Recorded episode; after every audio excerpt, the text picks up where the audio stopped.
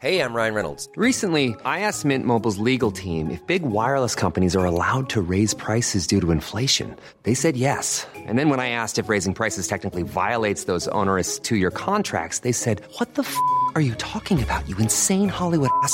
So to recap, we're cutting the price of Mint Unlimited from $30 a month to just $15 a month. Give it a try at mintmobile.com slash switch. $45 upfront for three months plus taxes and fees. Promo rate for new customers for limited time. Unlimited more than 40 gigabytes per month. Slows. Full terms at mintmobile.com.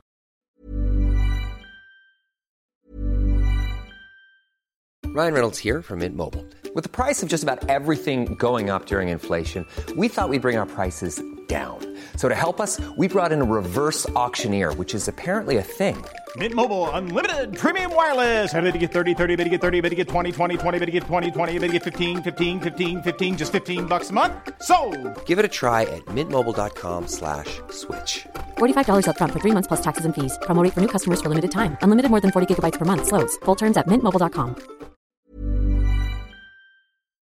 Da har vi akkurat spilt inn en ny episode av Aftenpodden USA, og i dag så måtte vi rett og slett bare snakke om eh, Joe Bidens dokumentdrama, som, eh, som bare fremstår som en enorm gavepakke til hans politiske motstandere, og særlig en mann i Florida som sitter og gnir seg i hendene for hver dag som går, tenker jeg. Ja, og man kan jo spørre seg, er det en tabbe, er det slurv, er det noe verre eh, som er liksom på gang her?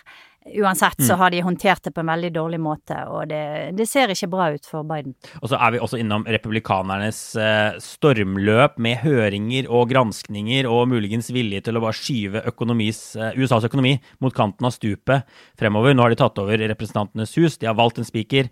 Det blir så interessant å se hva de bruker agendaen sin på, og om det er noe de faktisk kan vinne valg på i fremtiden, eller om de graver en, en grøft for seg selv. Ja. Og så eh, har jo jeg også eh, gitt deg en liten surprise quiz, Øystein, på ja, tampen. sant. Ja, som jeg vel ikke vant, kanskje, men det var ikke helt krise heller. Nei, det var ikke helt krise. Men epis episoden kan i hvert fall høres eh, i Aftenposten-appen eller hos Podme.